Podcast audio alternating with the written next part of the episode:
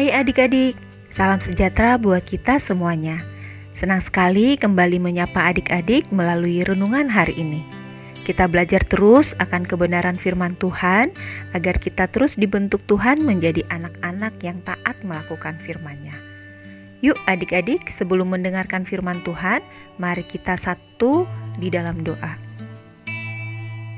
Bapa yang baik, segala puji dan syukur kami panjatkan kepadamu Terima kasih atas berkat-berkat yang Tuhan berikan kepada kami. Kami juga rindu mendengarkan firman Tuhan hari ini. Bantu kami Tuhan, pimpin dengan kuasa roh kudusmu, agar kami mengerti firman yang akan kami baca, yang akan kami dengarkan, dan kami juga setia melakukannya setiap hari. Terima kasih Tuhan Yesus, dalam nama Tuhan Yesus kami berdoa. Amin. Pembacaan Alkitab diambil dari Kejadian 27 ayat 30 sampai 40. Sekali lagi ya Adik-adik. Kejadian 27 ayat 30 sampai 40. Beginilah firman Tuhan.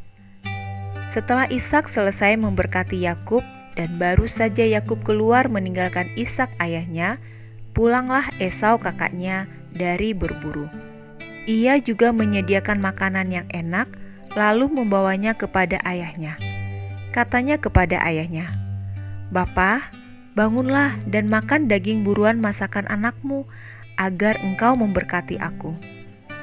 Tetapi kata Ishak ayahnya kepadanya, "Siapakah engkau ini?" Sahutnya, "Akulah anakmu, anak sulungmu Esau."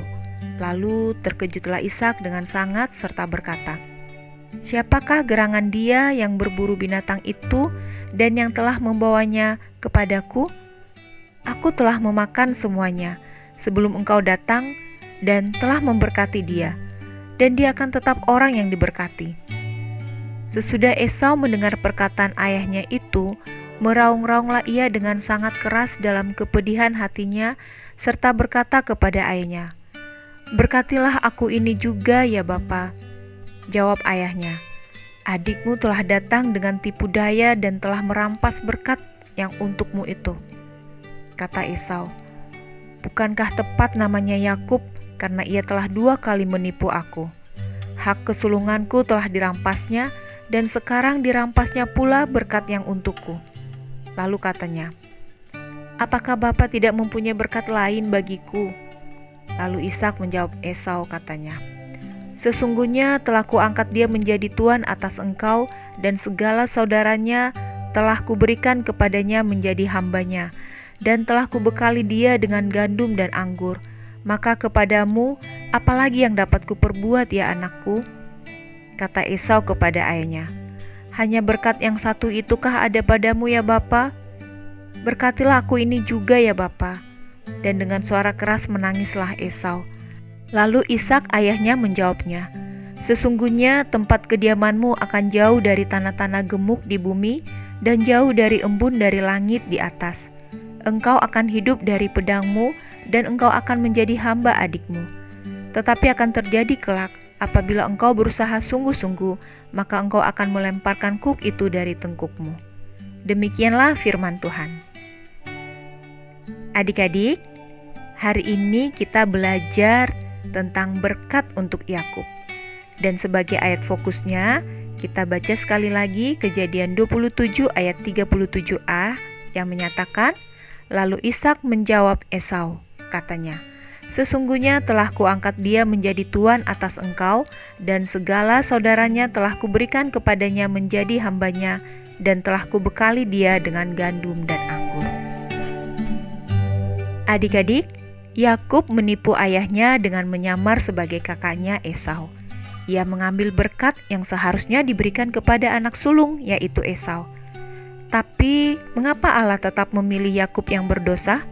Sebenarnya, Esau sudah meremehkan hak sebagai anak sulung dengan menjual hak kesulungannya kepada Yakub. Esau memandang ringan hak kesulungannya dengan masakan Yakub, yaitu kacang merah. Perbuatan Yakub menipu ayahnya untuk mendapatkan berkat bukan perbuatan yang baik ya adik-adik dan tidak boleh ditiru. Tuhan tetap memilih Yakub karena Tuhan sudah memilih Yakub sejak dalam kandungan. Kasih Tuhan tidak terbatas, tapi juga adil. Ada konsekuensi atau akibat yang ditanggung Yakub atas perbuatannya menipu Esau. Adik-adik, Tuhan juga memilih adik-adik yang berdosa menjadi anak-anak Tuhan. Kita semua adalah anak-anak yang sudah berdosa, tapi Tuhan memberikan belas kasihnya. Semua karena kasih Tuhan yang tidak terbatas. Bukan berarti kita bebas melakukan dosa adik-adik, karena kita juga akan menanggung akibat dari setiap dosa atau kesalahan yang kita lakukan. Kita patut bersyukur kepada Tuhan yang selalu mengasihi kita semuanya. Yuk, adik-adik, sama-sama kita katakan, "Aku bersyukur pada Tuhan dan mau mengasihi semua orang."